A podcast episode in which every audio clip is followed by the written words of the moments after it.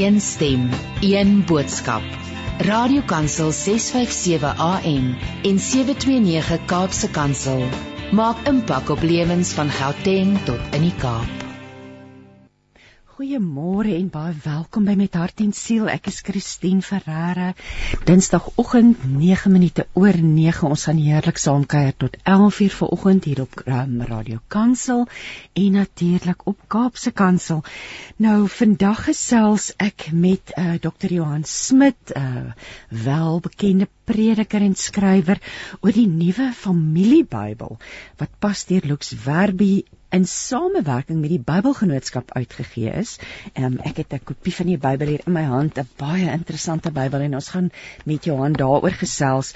En daarna gaan ek gesels met Rudolf Botha oor Jesus leierskap, hoe om te lei in 'n veranderende wêreld, ook 'n boek wat pas uitgegee is deur Lux Werby en dan um, aan die einde van die program, die laaste gedeelte van die program, het ons die voorreg om te gesels met Cassie Karstens oor sy boek The World Needs a Father, Helping Fathers Bring Heaven Home. Vadersdag lê om die draai en en uh, Cassie is ook die die stigter van The World Needs a Father movement. So 'n lekker interessante program. Ons praat met drie manne van die woord en um, ek wil vir ons afskop met 'n stukkie wat ek wil lees uit hierdie nuwe Bybel en dit is die gelykenis van die lamp. En hy het vir hulle gesê 'n lamp word tog nie onder 'n maatemmer of 'n bed gesit nie. Is dit nie bedoel om op 'n lampstander geplaas te word nie? Want niks is verborge wat nie blootgelê sal word nie. En daar is niks niks weggesteek wat nie aan die lig sal kom nie laat die wat ore het om te hoor luister. En hy het ook vir hulle gesê: "Gee ag op wat julle hoor, met die maat waarmee julle meet, sal vir julle afgemeet word en daar sal nog vir julle by en daar sal vir julle nog bygevoeg word. Want wie het aan hom sal gegee het word en wie nie het nie van hom sal dit ook dit wat hy het weggeneem word." Ek dink ons wil graag fokus op daardie gedeelte dat ja, dat die wat ore het om te hoor luister. Um, God se woord is daar vir ons as 'n riglyn, um, as 'n kompas in ons daaglikse lewe. Maar nou gesels ek met Johan Smit. Môre Johan. Johan op die lyn. Hallo Chris. Hallo Johan. Baie baie baie vaag op die lyn. Jy, as jy my kan hoor? Ek kan jou nou hoor. Is ek vaag op jou lyn sê jy? Ja, ja, sê nou sê nou sê. Ek het my mikrofoon. Ons het ons het seker ons het nuwe mikrofone, ek het nou so bietjie gelig en ek, ek dink ek en jy gaan mekaar nou mooi kan hoor. Ja, nou hoor ek vir jou baie mooi. Môre môre Christine, gaan dit goed? Ag, dit gaan goed. Net ysig koud hier in Gauteng ja. natuurlik, maar ja.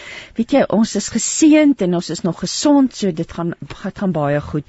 Johan, Die familiebybel, jy nou hy sit lekker in 'n mens se hand. Weet jy, dis 'n dis ek voel hy sit lekker uit 'n mooi omslag. Um hy's nie te swaar nie en wat 'n interessante nuwe Bybel.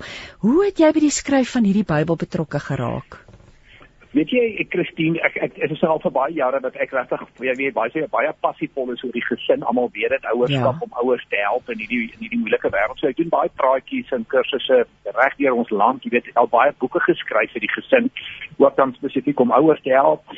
En weet jy, in toe looks werk by my genader na aanleiding daarvan Jy weet omdat 'n mens nou redelike naam gekry het vir vir vir bietjie vir, vir ek amper die woord gesinskenner gebruik ja. alhoewel dit 'n verskriklike gevaarlike woord is. en wat 'n heerlike ja ja, jy ek dink jy, jy kry se regtig so iets nie. Ehm um, maar maar ek weens daai passie van my, kom ek stel dit eerder so ja.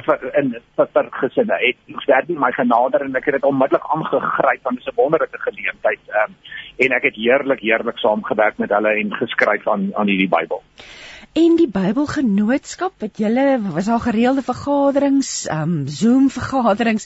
Hoe het die proses? Vertel ons 'n bietjie iets oor die proses. Wel, al wat ek jou daar kan sê, dit was Lux Verbi se aandeel gewees wat die wat die projek aanbetref. So hulle ja, daar was definitief gereelde vergaderings gewees, goeie samewerking tussen Lux Verbi, die uitgewer dan nou in die Bybelgenootskap, omdat hierdie die eerste vertaling is sedert die amptelike Bybelgenootskap vertaling sedert 1983 en en dit moet Lux Verbi hierdie toestemming gekry van die Bybelgenootskap en dan met die afstand van hulle onderhandeling het het ek toe nou die skrywer van die gesinsdele geword in die Bybel. Dit is my interessant die familiebybel, die die titel, die titel van die Bybel.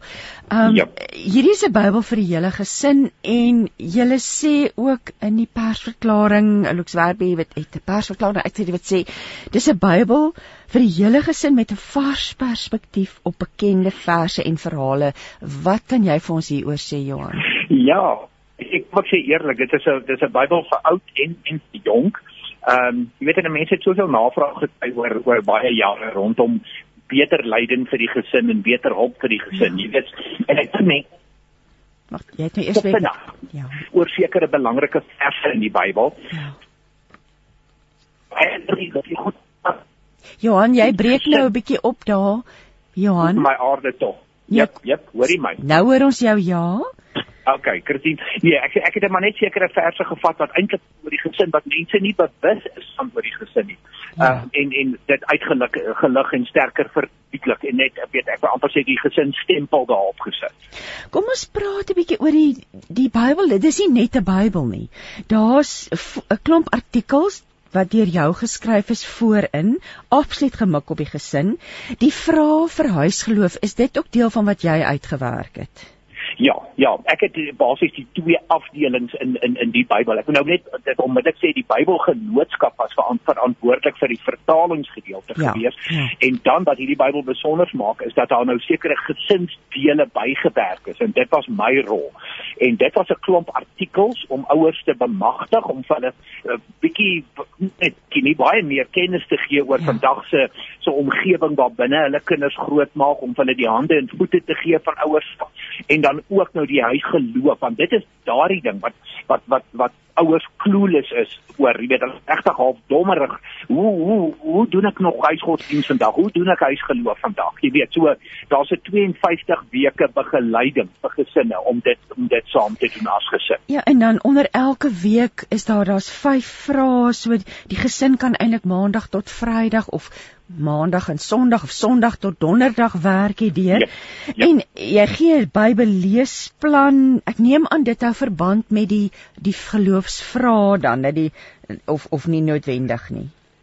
En, en nie noodwendig nie. Die die Bybel leesplan is hoe die Bybel in 'n jaar deur te en en en dit terwyl die huisgeloof is doodgewoon 52 weke met ander woorde vir elke week van die jaar en ja om jou te begelei vir ten minste 5 aande van die week kyk om ons weet ons is almal besig en dit dit gaan 10 teen 1 die 7 7 aande van die week gebeur nie so ons het gefokus op kom ons sê 5 ja, geleenthede ja. Vir 'n gesin in 'n week oor 'n sekere tema so hulle kry begeleiding wat dit aanbetref dan met met vrae te oor te gesels ja Johan ek o en as natuurlik 'n familiestamboom voorin so as jy yep. vandag nou hierdie Bybel koop uh vir jou gesin, kan jy begin invul nê en dit word 'n erfstuk. Dis reg. Dis reg. Dis die hele gedagte van die familiebybel, ja. ja. Dit pragtig. Johan, maar ek nou ek het nou vir jou 'n vraag. Hou mense nog huisgodsdiens? Wat is die die trend soos hulle sal sê? Wat is die neiging? doen ons dit nog? Jy die neiging die, die neiging ongelukkig is is is nee. Jy weet ek bedoel daar is daar is gesinne waar dit gebeur ja. en en en dit is gewoonlik jou jou mooi gesinne. Jy weet dit is die gesinne wat regtig waar die waar die waardestelsel baie baie diep gewortel is, ja. die Christelike waardestelsel en en waar die woord saam saam om die woord saam in gebed nog nog absoluut 'n wagwoord in die huis is. Jy weet Christine en ja ongelukkig ongelukkig is dit die die uitsonderings vandag ja. Maar die behoefte is daar. Jy weet ek bedoel ek dink juis hierdie Bybel ehm um, in my het hoeveel ouers het al 'n noodkreet uitgestuur? Hy maar hoe maar hoe? Jy weet ja. en nou hier is die hoe in jou hand. Ja. Ja, want ek dink as uh, uh, die, dit gee die ma of die pa want Okay, tradisioneel lei die pa die huisgodsdienst, maar niks keer een van die kinders om dit te lei nie. Jy weet as as as, as 'n kind dit oor op sy hart het om te sê kom ma en pa, boetie, sussie, kom ons sit saam om die tafel. Korrek, um, korrek. En en natuurlik die idee om gesprek aan die gang te kry want ek en jy het al hieroor gesels. Kommunikasie ja, ja. in die gesin lei skade ja. onder sosiale media. Ja, die tegnologie is een van die artikels wat ek ingespoor geskryf het onder andere. Jy weet dat ons regtig bietjie weer moet tegnologie op sy plek sit en op sy plek kry sodat die gesin weer die prioriteit kan kry in ons huise. So ek het selfs daaroor het ek het ek vir ouers begeleiding gegee in in in hierdie familie Bybel en ek stem saam met jou. Jy weet ek bedoel in in weer eens hierdie huisgeloof vra en die gedeeltes wat gegee word vir 'n gesin maak dit moontlik vir kinders om dit te lei. Ja. Kom ons praat 'n bietjie oor oor die temas wat jy aanpak want dit daar's baie. Ons kom uh, uh, 27, um, jy dra hier onder by grense en dissipline en gesinsbates is die laaste ene, maar kom ons begin 'n bietjie by die die die beginpunt en ek dink ook 'n baie belangrike onderwerp, waardes in die gesin. Ja. Johan, ja. jy het met soveel ja. kinders deur Vita Amp te doen. Um, ja wat wat is jou waarneming? Nê nee, realisties hoe lyk die waardestelsel binne gesinne in ons land op die oomblik? Weet jy ek wens net gesinne wil besef of paas en maas wil besef hulle moet weer intentioneel wees wat hierdie aanbetref Ja. Ek sê wat ons nie agterkom as as volwassenes nie, as ouers nie, is die wêreld is verskriklik intentioneel om ons kinders deel van die wêreldstelsel en die dekadensie van die wêreld te maak. Hulle is verskriklik, verskriklik intentioneel. So ons moet baie intentioneel raak aan ons gesinne. Jy weet, ouers as die leiers in die gesin, die hoofde van die gesin om weer 'n waardestelsel in 'n huis te vestig, want ons leef in 'n gewelddadige, geseksualiseerde, materialistiese samelewing. En daardie waardes word word in ons gesigte ingedruk en ingeforseer ja. maar en ons kan nie passief reageer nie Christine en en dit is my hele doel met hierdie waardesisteem en om om om ouers weer te help om 'n waardesisteem vir 'n gesin neer te skryf om om dit op die yskas te plak. Jy weet daai tipe van ja. ding. Hier is die waardes waarvoor ons staan in ons gesin en dis wat ons gaan leef ook in ons persoonlike lewens want persoonlike lewens val uit mekaar uit dit gaan nie goed met ons jong mense nie. Ek werk elke dag daarmee. Ek het gister weer 'n redelike ernstige krisisgeval moes hanteer. Ehm um, van oulike kinders. Oulik man, ja. ek sê nou vir jou oulik. Ek ek wil daar 34 jaar se werk met jong mense kan ek onderskei. Jy weet wat of dit 'n oulike kind is. Oulike kinders wat sukkel, wat regtig opreg sukkel in 'n moeilike wêreld. Hmm. Nuwe uitdagings, maar weet jy wat ek van hou? Hoe jy die waardes aanpak. Jy begin om te sê uit die aard van die saak ons gesin volg 'n Bybelse perspektief. En ja. dan praat jy oor waardes dat jy doelgerig en doelbewus moet leef. Dis vir my so kontemporêr. Dit dis so reg. Jy weet dit help nie ons sê vir die kinders maar dis wat die Bybel sê. Ons ons moet dit toepas op hulle lewens ook ja. en op ons ja. eie lewens. So jy jy praat hierso van liefde se doen ding dis so een van die gesinswaardes gaan oor ja, ja dis jy praat nou dis voorbeelde daarvan ja dis en om te sê in hierdie huis volg ons Jesus ons het nou nou so net voor die uh, ons begin het het, het jy 'n lied gespeel wat presies eintlik hierdie boodskap oordra Um, ja, ja. En dan omgee en besorgdheid, ek dink ons is uitgedaag daardeur. Ons is nie kan nie eintlik by ons mense uitkom nie, maar ons kan omgee op ander maniere. En ek ja. hou van wat jy sê, mede-verantwoordelikheid. Ja. Ja, daai mede is baie belangrik. 'n Gesin is altyd mede. Dit is mede-verantwoordelikheid. Dit is nie net 'n pa en 'n ma nie, daar's kinders ook. Partykeer voel ek vir mense daar's net 'n ma nie. Korrek. Korrek. En die, die gemors is pa en ma laat dit baie keer toe. Ja. Jy weet dit is jy weet al die geluk van die huis lê net op pa en ma se skouers. Nonsens. Ons ja. is in vennootskap met mekaar, pa, ma en kinders. Jy weet so dis mede-verantwoordelikheid. Ja.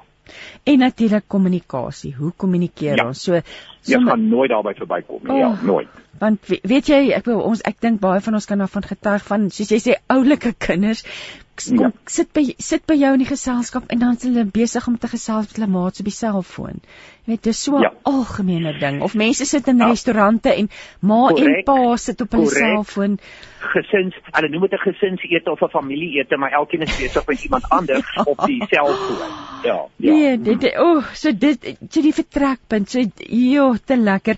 Dan 'n baie baie goeie punt. Maak God die middelpunt van jou gesin. Jy het 'n hele artikel vir ons daaroor. Wat wil jy vir ons sê? Hoe doen ons dit in vandag se moderne lewe wat ons kom hier by die kerk uit en ons kyk aanlyn kerk. Dis dinge is anders. Hoe hou ja, ons God ja. die middelpunt? Weet jy ek ek is nommer 1 en en hier gaan ons ongelukkig nooit by verbykom nie, ehm um, Christine. Pa en ma se voorbeeld. Ja. Nommer 1 pa en ma se voorbeeld. En weet jy wat ek nog geleer as alself in my lewe, my drie kinders val uit die huis uit en getroud. Ehm um, weet jy wat? 'n 'n gelukkige huis, 'n vrolike huis, 'n huis met vreugde, 'n vriendelike huis dit is nogal 'n baie belangrike een om die Here die middelpunt van 'n huis te maak. Weet nie 'n morbide, swaar, mm. heavy, moralistiese ehm um, dooierige huis nie. Onthou ons werk met jong mense. As ons in kinderswerk werk ons met jong mense. So ja. as daar energie is en daar's passie en daar's vreugde. Weet jy wat, dis 'n plek waar hulle graag wil wees. En en ek dis hoekom ek sê dis 'n snaakse plek waar ek begin. Maar dis 'n ding wat ek uit die praktyk van my eie lewe geleer. Jy weet om Jesus te volg is is aktief, dit is dit is dit is passievol, dit is lekker. Dit is lekker. Dit dit is avontuur. Dit is nie altyd maklik nie en daar's op en af, maar maar weet jy ons ons pak die uitdaging saam saam aan jy weet daai woord saam kan ek ook nie genoeg beklemtoon nie en baie van die artikels wat ek geskryf het het ek die woord saam met hoofletters geskryf. Uh en en dan die waardestelsel jy en en, en soos ek sê ja maak live it live it live it. Ehm um, kinders kinders hou vir ons dop. Hulle ons op hulle luister fyn na ons. Jy weet om God die middelpunt te maak is is is just idee fit en besig besig dinamiese voorbeeld vir jou kind. Ag is so mooi jy sê waar God is is vreugde en vriendelikheid. Dit is juis twee van die vrugte van die gees. Kinders moet Correct. jou blydskap in die Here ervaar en beleef ten spyte van omstandighede. So dis 'n ja. uitdaging maar 'n vrolike huis is is dit 'n ja. huis waar God se liefde sigbaar is. Dis nie 'n huis sonder grense en dissipline nie, definitief nie. Um ja, jy, die die ja, ons het nou 'n bietjie gesels oor dien die Here saam. So dis nie jy moet ja weer eens, jy kyk saam. Jy laai nie die kinders by die kerk af nie. Ek op die oomblik is dit bietjie moeilik, maar ons weet in die ja. verlede dat die ouers die kinders by die kerk aflaai en dan Ja gaan maar nou, hulle koffie. Wat wat is nou belangrik? Jy weet is is, is nou kan 'n mens jouself inrig in jou sitkamer want en en gooi die gooi die beeld op die televisie byvoorbeeld. Jy weet omdat dit nou in baie gevalle virtueel of digitaal is, ja. alhoewel baie kerke het, het, het is nou weer oop met twee dienste selfs ja. drie dienste. Maar maar maar as jy dan digitaal kyk, doen dit as gesin saam. Hmm. Sit lekker onder 'n kombers in die koue, ehm um, maak lekker Milo en koffie en dit maak dit 'n adventure, maak dit hmm. weer iets waarna almal uitsien. Klim soms saam met ma en pa in die bed en eet ontbyt en kyk kerk en ja. En die honde en almal. Ja, daar sê ek ek kort net 'n bietjie kreatiwiteit. Dis al wat kort Christine is by ouers veral in die laaste 14 maande. Jy weet almal is deprou, almal is af. Ja. Jy weet almal is negatief en pessimisties. Nee, nee, nee maak die huis een van energie en en en en, en passie. Dis in jou hande.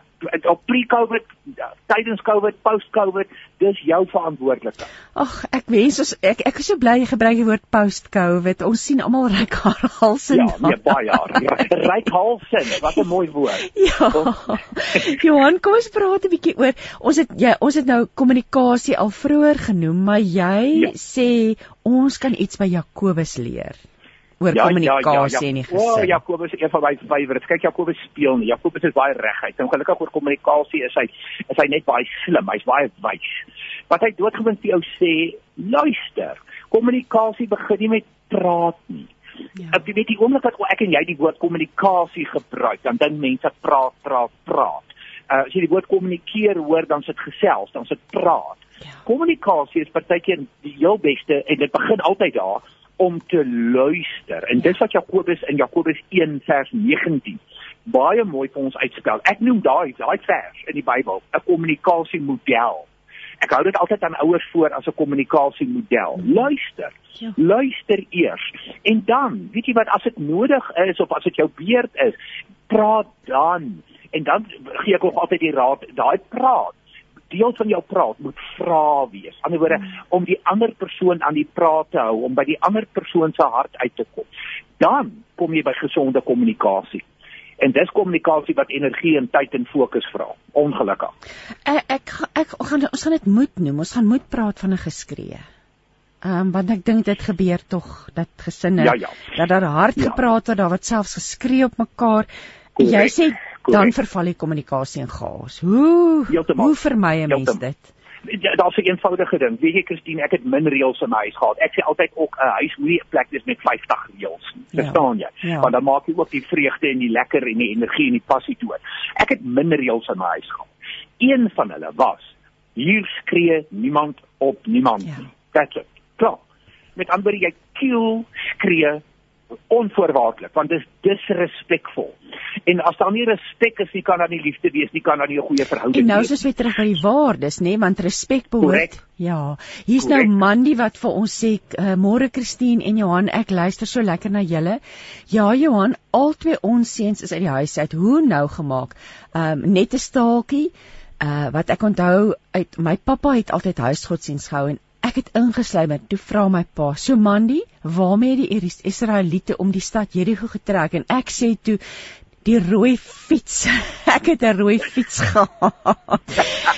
Ai, weet jy, wil dit kan ook maar 'n straf wees vir 'n kind om so te moet sit en luister. So mense moet ja. kort en kragtig hou as jy saam huisgodsdienst hou, nê? Nee. Korrek. Korrek. Maak maak een punt.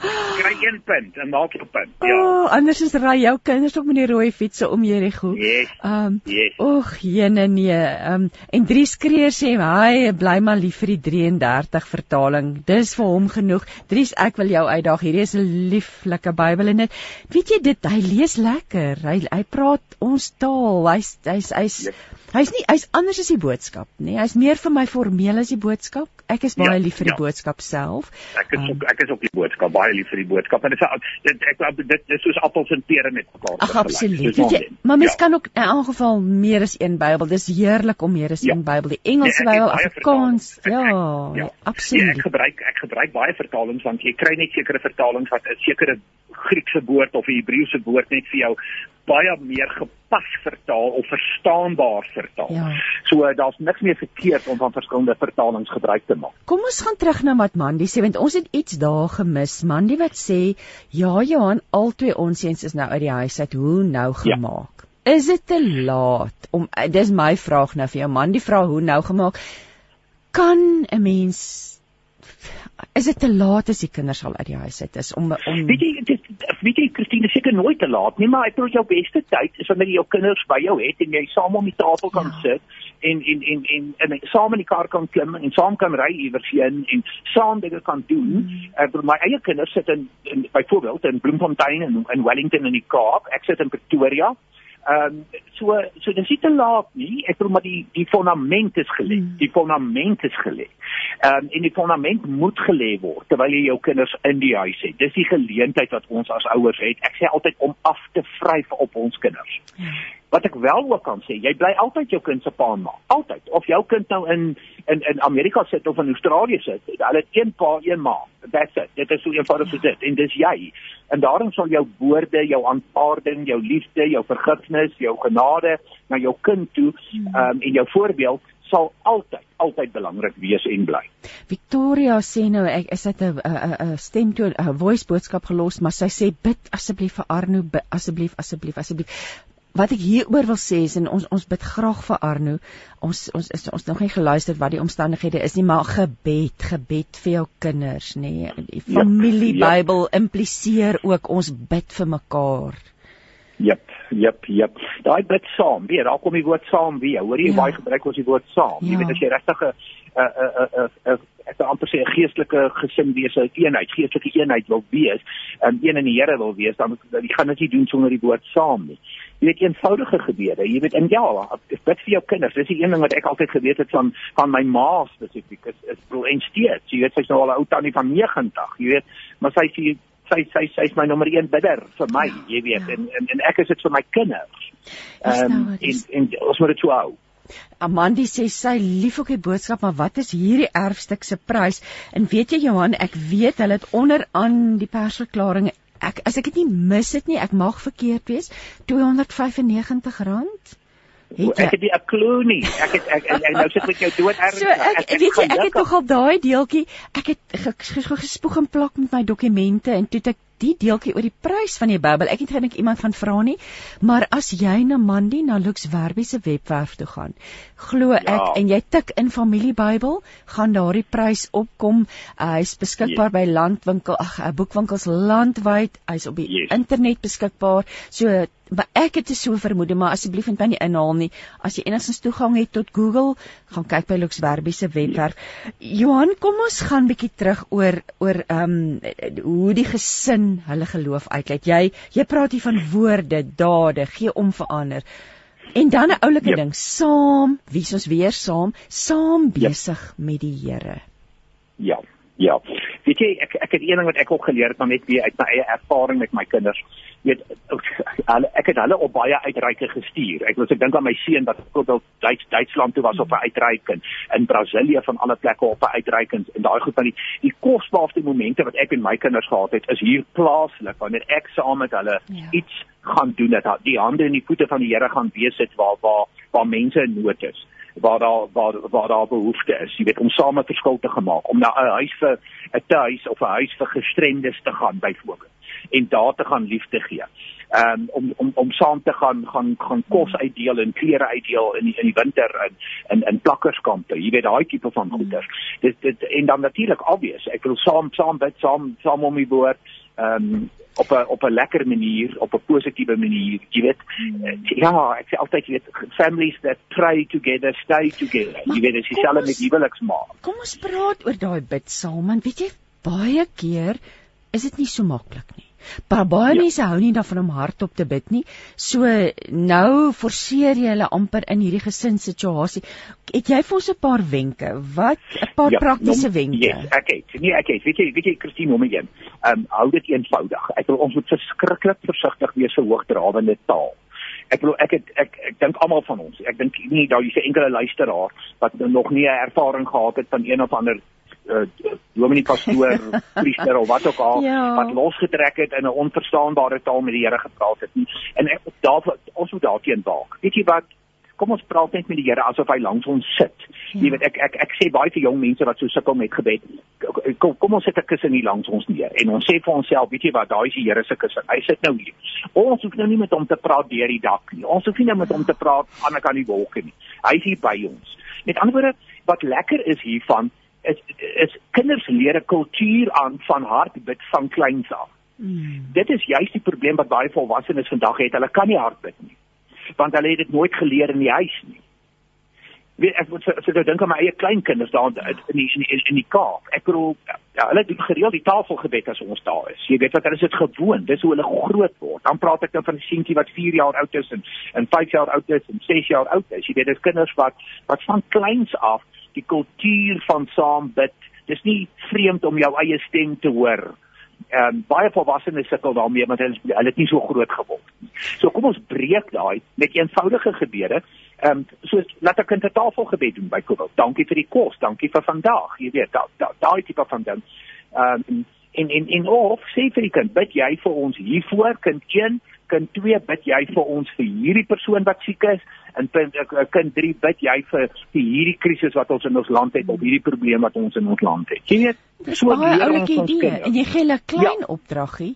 Um en, en jy en en en en natuurlik 'n lekker plek ons gesin het die gewoonte ons ry nêrens as ons almal saam wel die keer nou my kinders is ook nou groot maar as ons saam ja. iewers heen ry ver op vakansie yes elke een kry die kans om te bid en en ja, en, en dit is ja, en dit is al so 'n ritueel wil ek dit noem nee. maar is so kosbaar en dan net ja, as ons by die huis kom dieselfde dan sê ons dankie. Um, Ja, ja. Johan, oh, weet jy ek wil ook met 'n bietjie praat met jou praat oor identiteit in Christus. Jo, dit ja. is Dit is 'n moeilike ding deesdae want dit ons leef het, ons leef in 'n in 'n moderne wêreld waar jou identiteit as Christen eintlik onder die loop kom nê. Um mm, mense sê daai ou Christene nou weer of of mense dink hulle sien ons onmiddellik as mense wat ander oordeel so hoe vestig wees hierdie regte identiteit. 'n Kind met trots kan sê ek is 'n kind van die Here. Ja, ja. Jy weet jy uh, Christine het wel sekere goed wat ek en jy nie vir onsself kan doen nie. Dit is byvoorbeeld om om heilig om 'n heilige te wees. Ja. Dit is wie ons is. Dis ons identiteit in Christus want want die Here maak ons deur die kruis en deur deur sy opstanding maak hy ons heilig. Ons is vergewe van al ons sondes. Ja. Ja, dis dis wie ek is. Dit dit soos ek sê that's identity. Ehm um, ek is regverdig verklaar. Nie oor iets wat ek gedoen het nie. Jy weet dit is oor iets wat die Here gedoen het, maar ek het dit gevat. Ek het dit aanvaar, hierdie geskenk aanvaar. Goed. Nou weet ek wie ek is, maar nou moet ek nou moet ek nou moet ek leef so toe. Ja. Ek moet nou leef as 'n heilige. Ek moet leef al sê my maat wat ja al sê my maat o oh, jy's nie weer ou nat kous of wat ook al. Exactly. Mm. nou nou is die nou is die uitdaging is waar waar gaan 'n kind hierdie goed leer? Waar gaan 'n kind hierdie goed hoor? En waar gaan 'n kind hierdie goed kan oefen anders as op 'n veilige plek as in die huis ja. as in die gesin? Want daar buite jy's heeltemal reg. O my aarde die groot druk onder ons kinders vandag as dit kom by rook en drink en seks en dwelms en al daai tipe mm. van goed is geweldig jy weet En jy's nou, reg, dis oulike kinders, dis goeie kinders, dis nie Dit is goeie kinders, dis regtig nie baie kinders nie. Nou nou nou nou nou moet die mense en so ek praat verskriklik baie met jong mense oor identiteit, oor wie hulle is in in Christus. Daai woord is verskriklik belangrik in Christus. En dan om dit te leef. Jy weet, ek bedoel as as as as as dit vir jou gaan oor oor rook en drank en dronk word en en en, en net die seksuele en pornografie en daai goed, weet jy wat jy jy, jy leef nie volgens die identiteit wat die Here vir jou gee nie jy weet en wat jy in Christus aanvaar het nie, en wat jy in Christus is nie. So dit is 'n botsing. Jou lewe bots met wie jy is. So dit is ontsaglik belangrik dat ons met jong mense moet begin praat oor wie hulle is, want uit wie jy is kom gedrag. Dit is verskriklik belangrik. Ons praat te veel oor die oor die oor die oor die oor die gedrag. Ons moet begin by wie jy is, want dit is die basis. Dis die fondament waaruit jou gedrag kom. En kinders vandag verstaan nie identiteit nie. Jy's heeltemal reg. Jy sê dis 'n ingewikkelde ding omdat die wêreld so deurmekaar is, omdat die wêreld hulle koppe so laat raas. Verstaan hulle nie wie hulle is nie. En te min mense leer dit vir hulle in 'n een eenvoudige taal dat dit verstaanbaar is vir hulle. Jy vat nou 2 Korintiërs 5 vers 21. Die feit dat Christus in ons plek aan aan die kruis gesterf het sodat ek vrygespreek kan wees. So wie is ek? Ek is 'n vrygespreekte ander reg vrygespreek is regverdig verklaar. Ja. Ons moet hierdie goed vir hulle verstaan. Hulle moet hulle moet hulle wortels net weer vind en dis identiteit. Jy sê dit en van uit dit leef. Jy sê vir my so mooi. Jy sê ons moenie humanisties of vas fariseer agtig raak met stelle nee. reëls en boeke vol regulasies nie. Jy sê nee, leef vryheid, vrede en vreugde en jou kinders sal met hulle hele hart volg. Korrek. Korrek. Terug by die vreugde, nê? Dit dis asof ons fariseeragtig ehm um, reëlagtig leef as ek dit nou so so kan stel. Dit help nie net om vir mense om reëls te gee nie. Man ek ek ek ek ek hou kan nie eers by die reëls hou nie. Ek sukkel om by die reëls te hou. Maar ek het die hele tyd ge-challenge om volgens my identiteit op te tree. Ja. Om my identiteit waardig te wees. So wanneer ek droog maak dan weet ek, hey, jy kom net weer twee tree links of kom net weer twee tree mm. regs jy's nie in jou jy beweeg nie in jou identiteit nie. Jy weet in ons die jong kinders sukkel. Dit veral adolessente. Adolescensie is 'n is is 'n woord wat beteken becoming. Ja. En daai becoming het alles te doen met 'n soeke na identiteit. Ja. En en en so dit is die uitdaging van die lewe vandag. Dat kinders identiteit gaan vind in Christus. Johan, hier's nou 'n verskriklike lekker hoofstuk. Ons is nou eers by artikel 10. Ek eh, ons tyd is heeltemal te min vandag. Ehm um, en ek het nie beplan om oor te praat nie, maar ek het nou besef hoe belangrik is hierdie stukkie. Dit gaan oor Jakobus 10 vers 10 wat sê 'n dief kom met kom net steel en ja. slag en uitroei ek het gekom sodat hulle lewe kan hê en dit in oorvloed. Ja, kom ons praat oor daai dief wat steel en slag en uitroei want hy lyk baie anders as wat hy 100 jaar gelede gelyk het of selfs 1000 jaar. Hy's eintlik nog dieselfde maar sy metodes, ja. daar's nuwe uitdagings rondom hierdie dief. Kom ons praat daaroor. Daarom nou wat Christine, daai is nou een van my gunsteling verse veral as ek net met jong adolessente werk. Jy weet ek nou werk met graad 7 en graad 8 wat nou wat nou hier in die beginjare van hulle adolessensie ja. inbeweeg. Dan dan leer ek hulle die dief. Die dief se metode is om te steel. Wat steel hy? Hy steel jou vryheid van keuse. Dan kyk almal jou met groot oë aan, wat bedoel jy nou? Waarvan praat jy nou? Ja. Wat wat se vryheid van keuse? Nou, hoe hy werk met jong mense spesifiek is hy hy werk met verslawing. Ja. Die oomblik wat jy verslaaf is aan enige iets, kan jy nie meer kies nie. Hm. dink bietjie daaroor. Ek bedoel die oomblik wat jy aan drank verslaaf is, jy jy sal jy sal moord pleeg om om alkohol in die hande te kry. As jy aan dwelms verslaaf is, jy sal moord pleeg om dwelms in die hande te kry. So jy kan nie kies nie. Jou liggaam sê vir jou ek kan nie hiersonder nie. Ek is verslaaf. So jou vryheid van keuse is gone. Dis by die agterdeur uit. En dis wat die dief steel. Hy maak ons jong mense verslaaf aan allerlei verkeerde goed in plaas van kom ek noem dit nou maar 'n verslawing aan Jesus soos Paulus toe ja, hy tot bekering ja, gekom het. Ja. Hy sê een wat vir ons in Korintiërs sê jy moet jou aan niks laat verslaaf nie. Hy sê dit. Hy sê dit 2000 jaar terug skryf Paulus jy moet jou aan niks laat verslaaf nie. Ehm um, en en en wat hy weet, want hy ken die dief. Hy weet die dief gaan vir jou ander aanloklikhede ja. voorgee, voorhou anders as Jesus. En en en daar was keer al in Korintiërs 2000 jaar terug. En en so so daai die die vandag is daar uit om ons jong mense te vernietig, om ons jong mense te verwoes. En Christine wat vir my baie belangrik is, ouers is nie bewus van sy metodiek vandag nie ouers is is is clueless wat dit aanbetref en hulle laat te veel ruimte vir hulle kinders toe. Daar's te min grense en dissipline in ons huise vandag. Ja. Ehm um, en baie huise is dit sommer afwesig. En jy doen nie jou kind 'n guns nie. Jy beskadig jou kind word beskadig. Ek noem die afwesigheid van grense en dissipline vandag noem ek liefdeloosheid. Ja.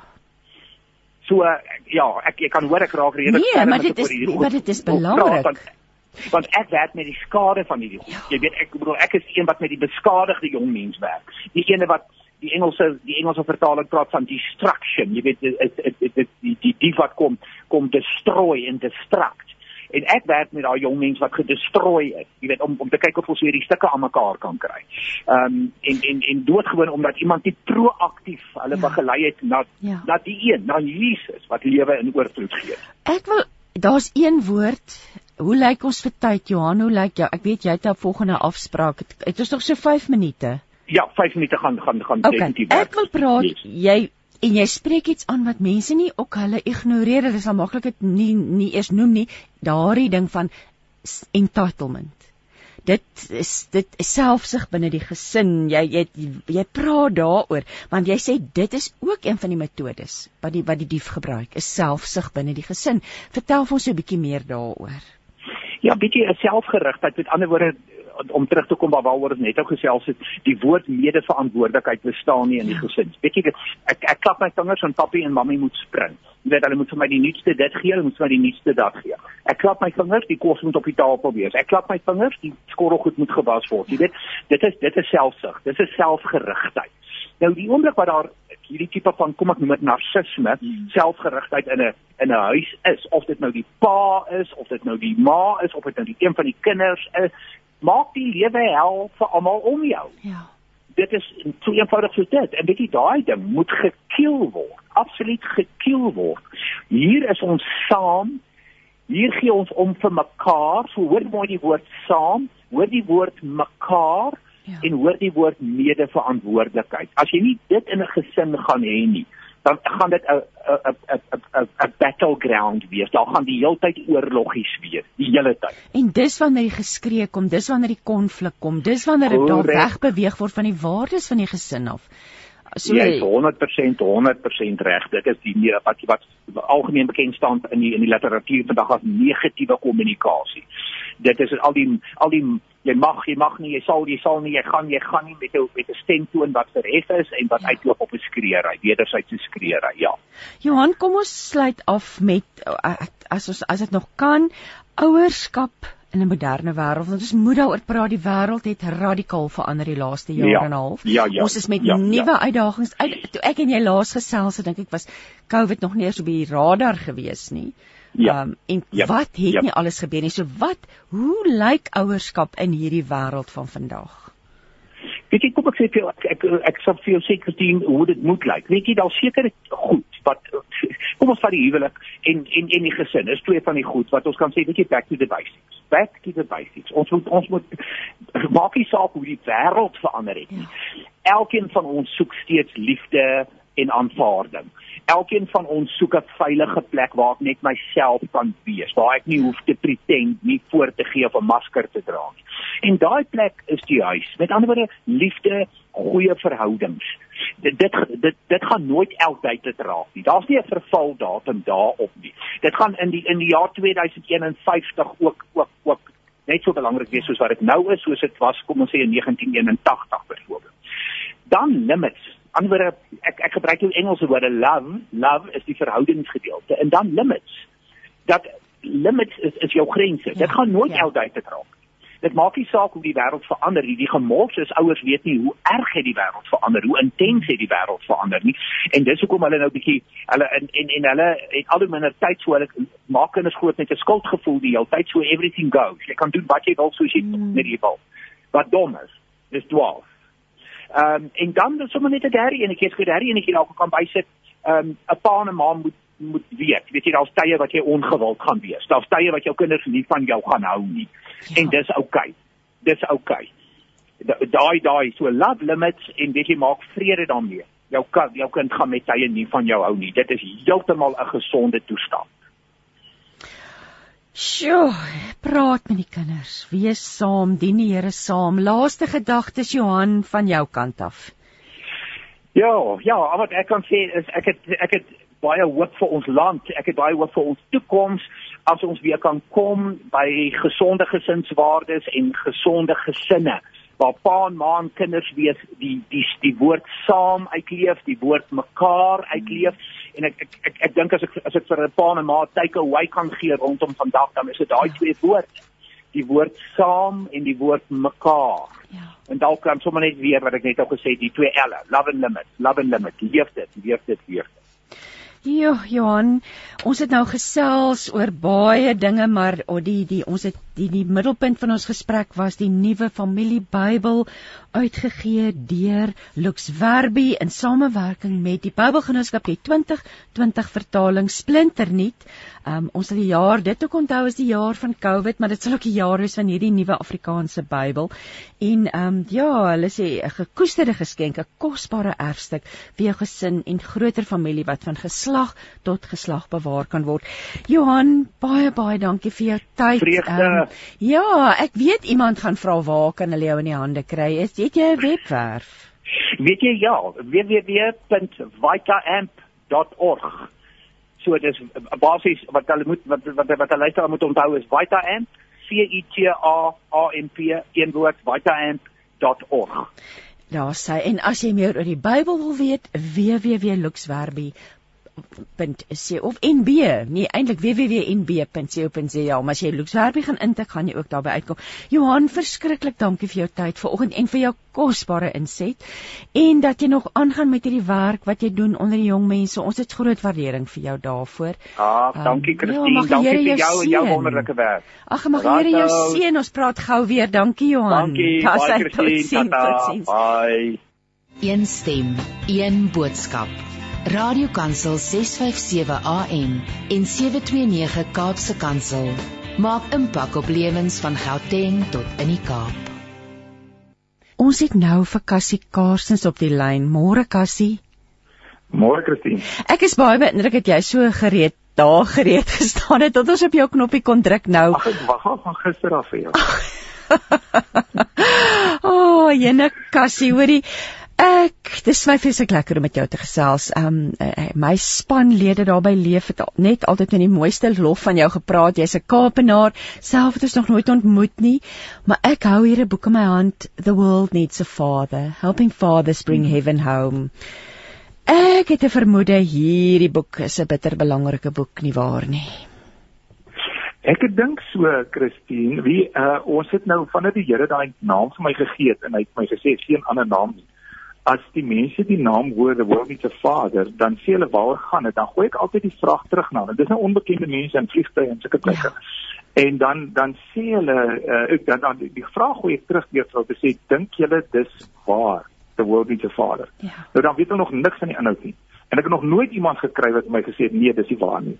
So almal sê the world needs a father. En dan vra hulle nou, waaroor gaan dit nou dan het die mense lekker geleentheid om te praat.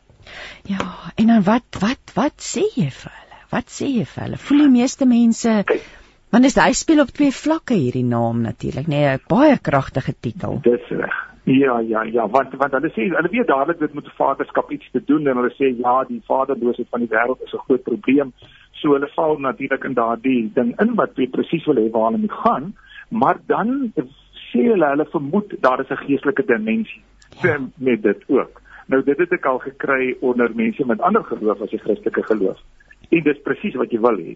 Dan sê jy ja, dat is definitief 'n geestelike dimensie ja, in dit, want ja. ons ons wêreld is vaderloos. En dit is nie net gesinne wat vaderloos is nie. Ja, dis dit is en wat dis maak my hartste dat jy sê ons wêreld, nê. Nee, dis nie net ons land nie. Ons het al gesprekke daaroor gehad. Um, maar hmm. ons wêreld Eh, Cassie, wat het jou laat besluit om 'n boek te skryf? Vind jy daar is mos hierdie bepalende dinge wat in die mense lewe gebeur waar jy regtig voel die Here stamp jou nou in 'n ding in. Nou hier was drie hoorsaaklike dinge. Die eerste was 'n vlugtelingkamp in Tansanië in, in, eh, van Kongolese vlugtelinge waar ek gehoor het op watter verskriklike maniere hulle vermoor is en geslag is letterlik familielede voor familielede. En toe het ek uitgeroep na God en gesê Here, wat is die groot probleem van Afrika? En die Here het my baie duidelik gesê dit is nie armoede of uh vigs of so iets nie, dit is vaderloosheid. Dit is 'n groot probleem. Mm. Ons moet na die wortel toe gaan en ja. die wortel van die omtrent alle probleme is vaderloosheid. Dit is die eerste een. Toe nie lank daarna nie, toe met my vrou se werk in 'n in 'n gemeenskap uh Kayamandi eh, waar sy uh, weeskinders moes plaas in huise. Het sy teruggekom en gesê hierdie dogter 15 jaar oud het nie 'n plek nie, kan sy maar haar inneem in ons huis. Ja. En toe het ons 'n dogter gekry, Abongile Kwaza. En toe sy na 'n paar weke vir my die eerste keer sê daddy. Uh toe weet ek dis die eerste keer na lewe wat sy die woord gebruik. Hmm. Want haar pa toe sy 1 jaar oud is, nog nie kon praat nie.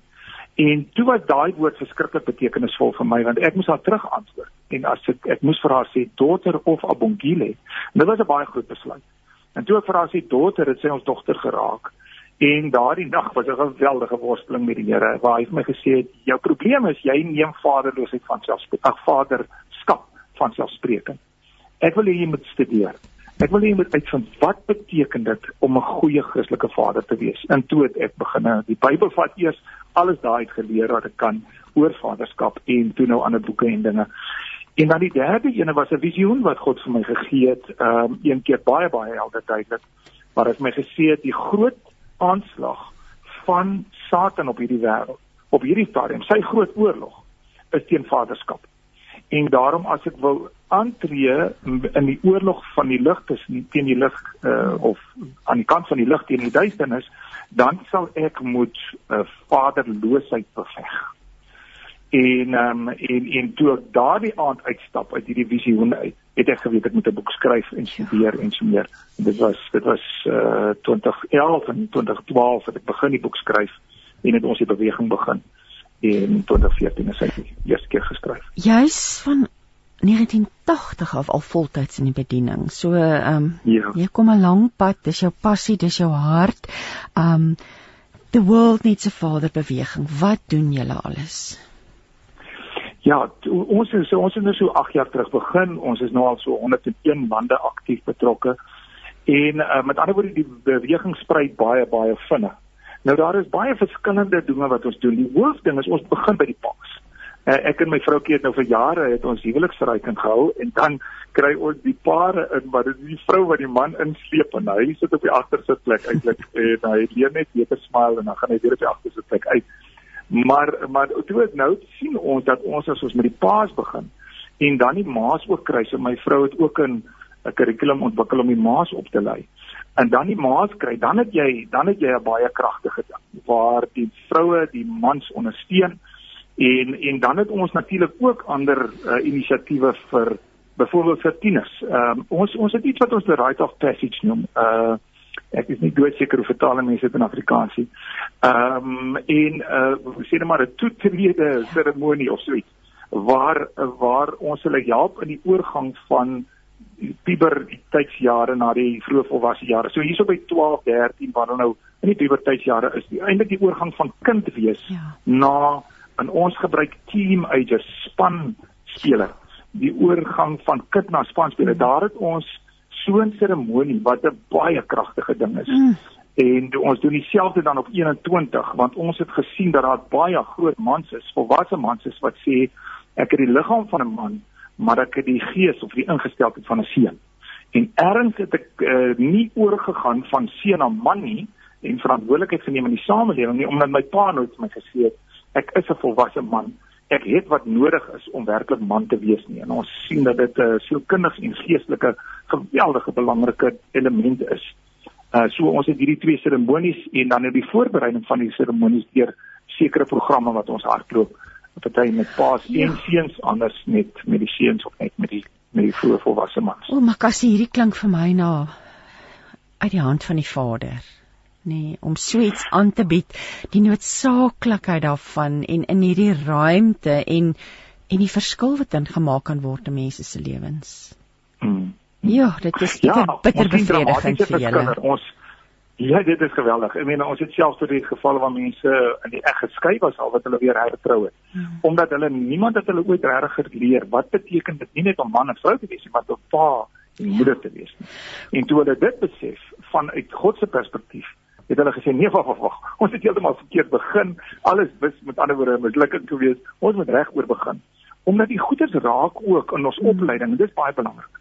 Ons het sekere wortels. Die Bybel praat ons nou van die wortels van brokkigheid en sulke goed. Ja. Ons het sekere wortels wat ons dra, oordra van pa en ma. En daardie goed, dit het geweldige invloed in ons huwelik en in ons pa en ma wees. So, jy weet die een ding wat ons baie keer sê, don't father from your woundedness. Ja. Moenie uit jou verwonding 'n uh, pa probeer wees nie. En dit is waar die baie groot seer dinge plaasvind in 'n uh, gesin uh, in die huwelik eers dan natuurlik nou maar ook teenoor die kinders. Kom ons praat want dit was een van die vrae wat ek spesifiek vir jou wou vra ook is want jy verwys in hierdie boek na uh, the father wounds en ja, joh, dit voel jy jy bring die woord wortel in verband daarmee. Ehm um, so ko, vertel vir ons 'n bietjie meer. Hoe Hoe weet ek ek het 'n pa wond want 'n man of 'n vrou kan 'n pa wond hê en en die pa wond neem ek ja. aan dui dit sê ook iets van jou verhouding met God. O ja. Kyk, die ehm um, waar ons dit regtig ontdek het, ek het twee leierskapsinstituie, een vir sportbediening en die ander een vir gemeenskapsontwikkeling. En so ons het nou vir 20 jaar sit ons met 40 kulture elke jaar vir 3 maande. Hulle kom vir 3 maande lank. So ons het oor al hierdie kulture heen het ons geleer dat daar sekere letsels is wat mense dra. So die leier kom nooit tot tot ten volle tot sy reg nie omdat hy 'n letsel dra. En daardie letsel wys natuurlik in jou nouste verbintenisse eerste uit, met ander woorde in jou ja. huwelik en met jou ja. kinders. Ja. En toe ons gaan vra waar kom dit vandaan? En ons het agtergekom dat as ons nou naspeur oor wat die insette is wat ouers moet lewer, byvoorbeeld, die moeder moet intimiteit gee kort na geboorte, nou voorgeboorte ook, maar kort na geboorte. As dit nie daar is nie, dan kan daai persoon nie regtig 'n spanspeler wees nie. Met ander woorde, hy is altyd op 'n afstand met mense. So dan kan dit dit, dit benadeel sy leierskap geweldig en dit benadeel sy huwelik natuurlik nou direk dan wat gebeur. So die insette wat ma en pa moet lewer is absoluut essensieel in jou uh algemene ontwikkeling. So hier is 'n paar belangrike insette wat paas moet lewer, byvoorbeeld emosionele sekuriteit. As daar nie gelewer word hier in die baie emosionele jare 3, 4, 5 byvoorbeeld nie, dan dra daai kind 'n letsel. Uh wat hy seer kry as wat hy moet kry of wat hy ontvlug as hy seer kry of sulke tipe van goeders of morele oriëntasie.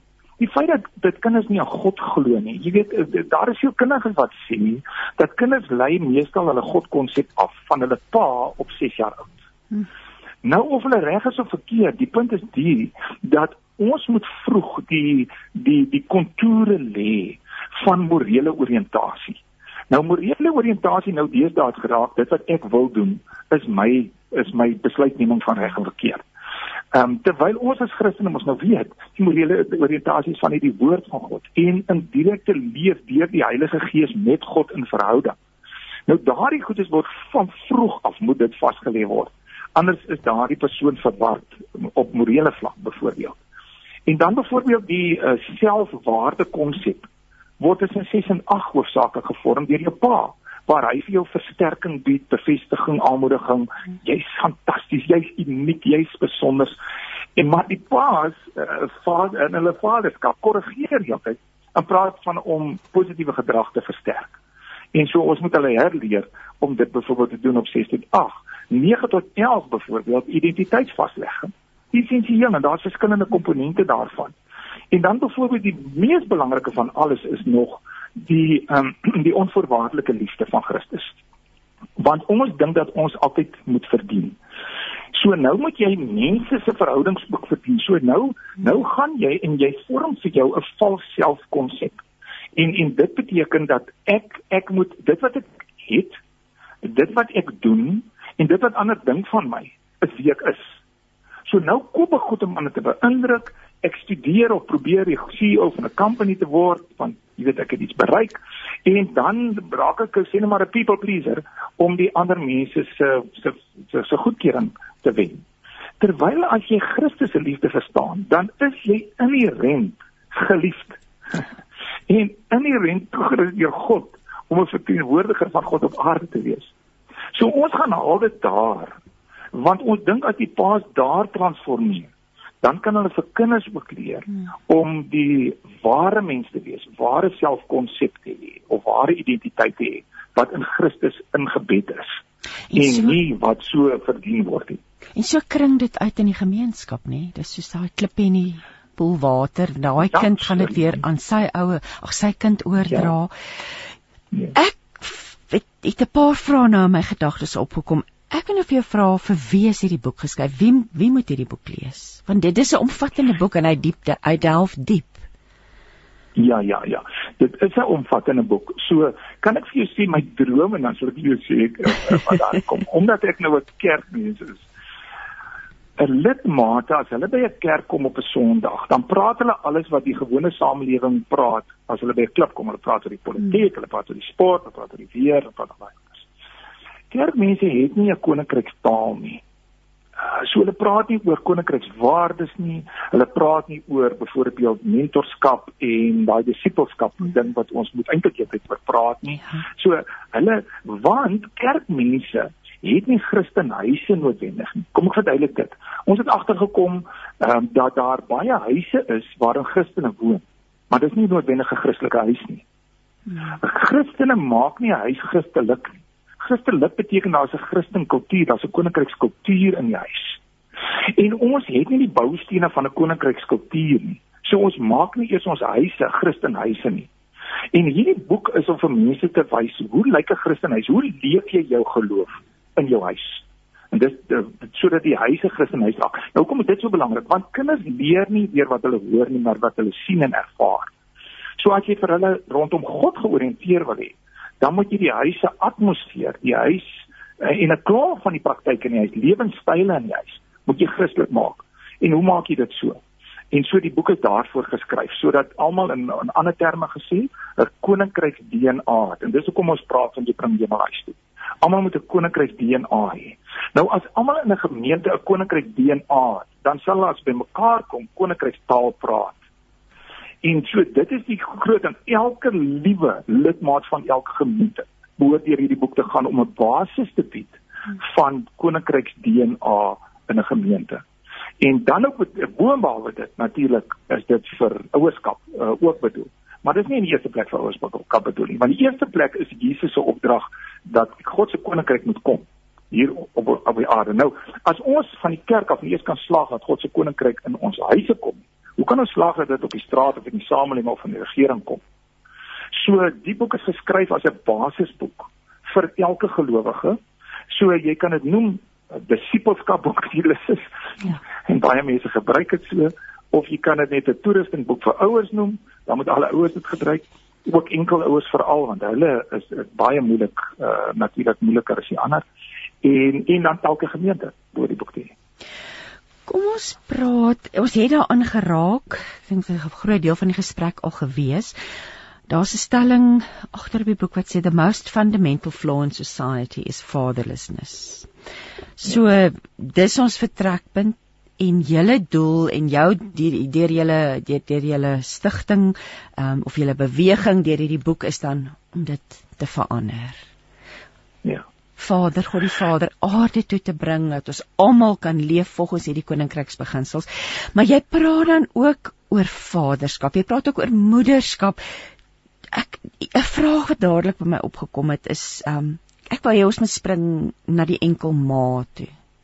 Want dit is 'n dit is 'n groot deel van ons gemeenskap en dit is problematies. En al hierdie ja. goed wat jy genoem het. Hoe hoe bring hierdie 'n enkel ma hierdie waardes na haar seun na haar dogter toe? Ja. Kyk, kan ek net eers sê enkel ma se grootste probleem is die oorlewingsdag. Kan jy nou dink dat jy nou as 'n enkel ouer moet jy nou die geld inbring jy moet die versorging doen, jy moet die voorsiening en die versorging doen. Ja. Dan moet jy probeer die paarrol en die maarrol speel. En dis verskillende soort van insette. Nou, uh, dis nou as jy 'n moeder is wat 'n enkel ouer is, wat ja. die meeste van die gevalle is, né? So dis 'n geweldige las, net net net ehm um, energielas op op mense. Ek weet nie hoe dit enigstens moontlik is nie. Nou wat ons wat die ideale samelewing sou wees is dat alle kerke sal verantwoordelikheid neem vir al die enkel ouers in hulle in hulle lidmaatskap byvoorbeeld. En maar dat dit so sal werk dat 'n enkel ouer 'n mentorfamilie kry. Hoekom? Want as die kinders van 'n enkel ouer nie sien hoe lyk die ander een nie. Met ander woorde sê net maar dis 'n ma wat die wat die leier is, hoe lyk 'n pa in 'n huis nie. Ja. Of hoe lyk 'n man teenoor sy vrou nie? Hoe tree 'n man teenoor sy vrou op nie? Dan vir die jare wat hulle groot word, het hulle geen verwysingsraamwerk daarvan. Ja. So nou trou hulle sonder enige verwysingsraamwerk. So daar moet 'n uh, uh, aanneem adopt 'n uh, um, aanneem van 'n mentorfamilie wees waarmee hulle tyd spandeer. Nou dit beteken dat die Christelike geloofsgemeenskap natuurlik dan nou sy harte moet oopmaak. So ja. almal wat in 'n kerngesin woon, jy weet ek sê vir al die paas in 'n kerngesin, as daar 3.8 of wat ook al die getal ehm uh, weeskinders in Suid-Afrika is, sê net maar 3 miljoen. Ehm um, as daar soveel weeskinders in Suid-Afrika is, dan moet jy jouself instel om 'n pa te wees van ten minste 20 kinders. Hm. Uh want hoe gaan ons anders? Want kyk, ja. ons kyk nie die lewe uit God se prentjie nie. God vra van ons in die ewigheid, nie die vragies wat ons wil hê hy moet vir ons vra nie. Hy vra van ons die vragies relevant tot die tyd waarin ons geleef het. So as jy nou 'n apartheid weet van vra hy apartheid vra. Hmm. As jy in weeskindheid weet dan vra hy weeskindheid vra. Ek meen dit raak ons nou vir ons duidelik, jy weet as ons Matteus 25 sien. Ek was honger en julle het nie vir my gesorg nie. Jy weet ek was dors. So hy gaan vir ons sê is wat in Suid-Afrika bly. Ek was 'n weeskind, het jy my aangeneem? Of het jy my en dan bedoel dit nou nie net formeel aanneem nie, het jy my pa geword? Ja. Daai is 'n vraag wat ons in ewigheid gaan kry. So ons moet daarvoor regmaak dan nie En dit mos nou as die gees van God in ons leef, dan is ons harte daar wat die pyn vir God veroorsaak. En dis hoekom ons geloofsgemeenskappe moet herstruktureer word dat elke enkel ouer 'n mentorfamilie het waarby die kinders kan leer interaksie mee kan hê en waar die mentorfamilie die waardes wat gekies word gedefinieer word met die praktiese implikasie van die waardes wat gedefinieer word bevestig word deur 'n vaderfiguur wat dan nou daardie moeder enkel ouer bevestig met want daar is net 'n sekere ding wat 'n vader stem doen saam met 'n vroue stem wat 'n ding baie sterk maak. Ja, ehm um, en, en ons probeer ons probeer dit skep. Kassie, dit klink ook vir my dit klink idealisties nê. Nee. Want dis hoe beleef wat is julle belewenis want julle leef met hierdie ding elke dag. Is mense oop ja. vir dit? Wie jy uh, die eerste ding wat ek moet sê is ons sien wonderwerke soos ek nog nooit in my hele lewe gesien het. Nie van transformasie van mense, paas, gesinne, ehm um, en en so meer. So so uh, jy weet ek kan as kan nou daaroor praat kan ons vir 3 dae gesels. so ek wil net dit sê ons sien geweldige wonderwerke wat plaasvind. Maar maar ons sien ongelukkig ook die swakhede van ons geloofsgemeenskappe. Hmm. Kerke fokus op agendas wat nie God se agenda is nie. En is dit is 'n wekroep vir kerk om sê kom na God se agenda toe. Kom na sy agenda op elke kerkraadsvergadering of leierskapsvergadering van elke kerk behoort vaderloosheid omdat dit die grootste probleem in Suid-Afrika is en ons een van die top in die wêreld is wat dit betref. Moet vaderloosheid op die eerste punt van die agenda te wees en ek kan weer 'n briefie gee. Op 99% van ons kerkrade se agendas verskyn die woord nie eens nie. En ek kan dit nie verstaan nie. Want dit is definitief op God se agenda wat hy hy is die God of the fatherless soos die Bybel sê. God van die vaderlose. En dit is tog geen twyfel daaraan nie. So so ek hoop dis 'n wekroep vir kerke ook om regtig te kom op God se agenda en die wêreld te transformeer soos God wil hê die wêreld moet getransformeer word en 'n nuwe gemeenskap te bou tot sy eer, nê. Nee. En 'n gemeenskap te bou. Hierso sit ons elke dag en ons kyk na korrupsie op die televisie as ons hier aan nuus kyk. dit is ja. dit is dit dit gryp jou aan die hart. Waar word korrupsie verander? Vra ek nou vir jou. Dink ons ons gaan ooit korrupsie van bo af onder toe verander? Mm. Is korrupsie nie 'n pa wat vir sy kind leer om eerlik te wees en altyd jy nooit te lieg nie? nooit iets te vat wat aan iemand anders behoort nie. Kom dit nie van die grond af op nie.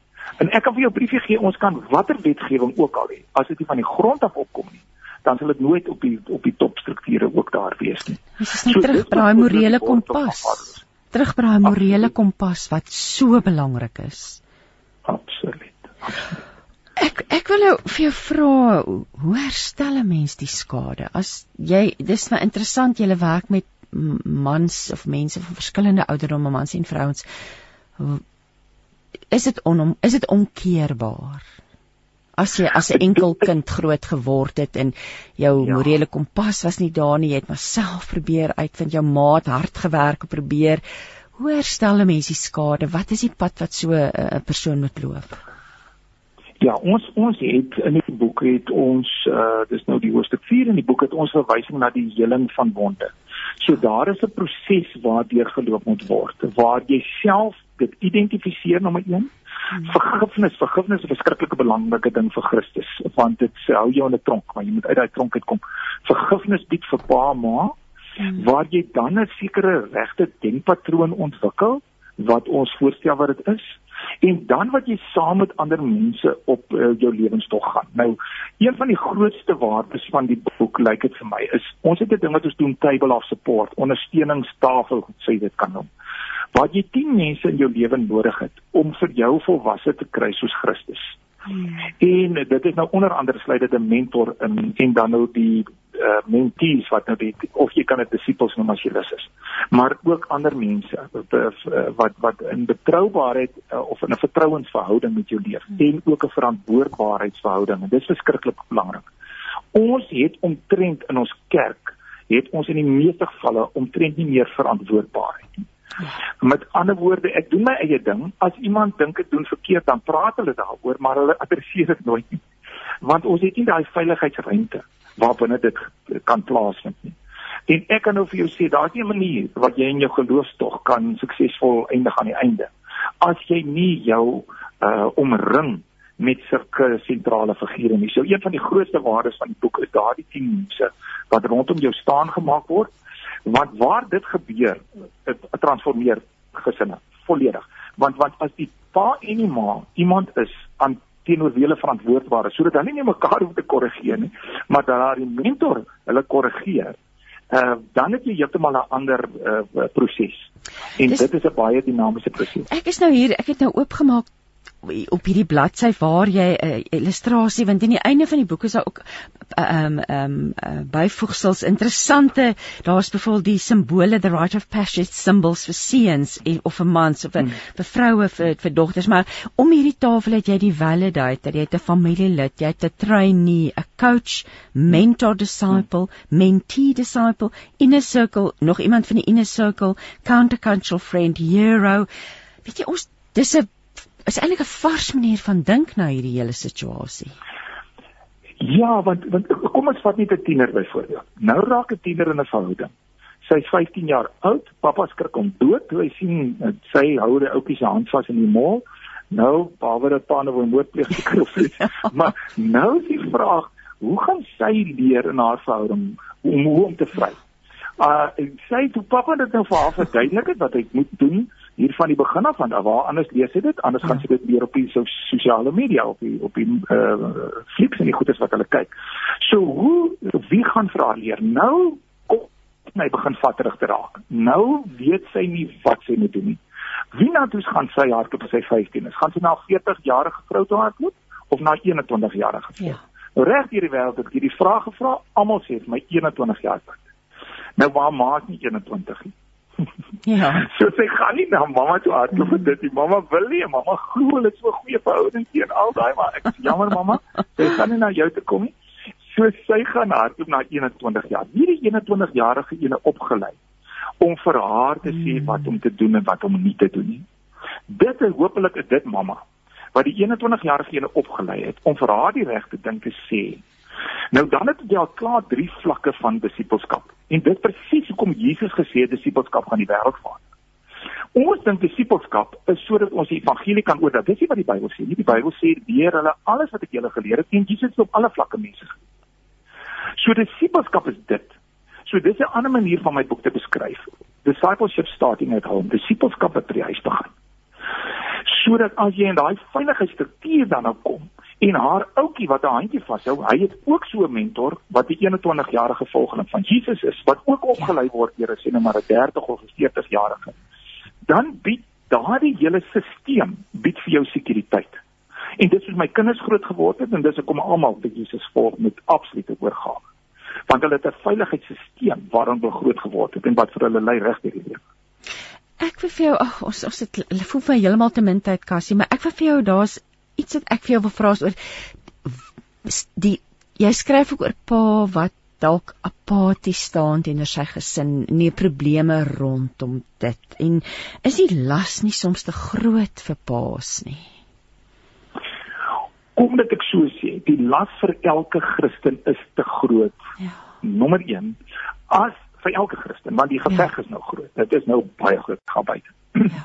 So vir daai pas definitief is die las te groot as as hy bepaal word deur eksterne faktore. Maar as 'n pa natuurlik en dis wat die hele wat die Bybel mense sê, kyk hy die vroeë Christene en vervolging was die las ook te groot.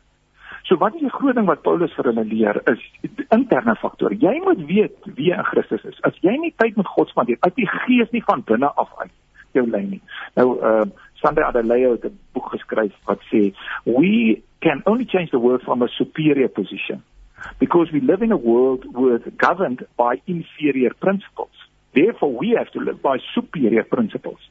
Nou, dit is wat die boek probeer doen om vir ons op 'n posisie te stel waar jy uit die goddelike beginsels koninkryksbeginsel. Dis wat Jesus probeer doen. Hy sê van Matteus 5 tot 7, luister, in hierdie wêreld kan jy net op een manier leef. En dit is as jy 'n kind van die koninkryk is. Hoe leef 'n kind van die koninkryk? So as jy jou binneste eers georiënteer het om 'n koninkrykskind te wees, dan kan jy die eksterne faktore hanteer. Dan weet ons hoe om die nuusberigte te hanteer. As jy nie daar begin nie, dan is daar geen hoop nie.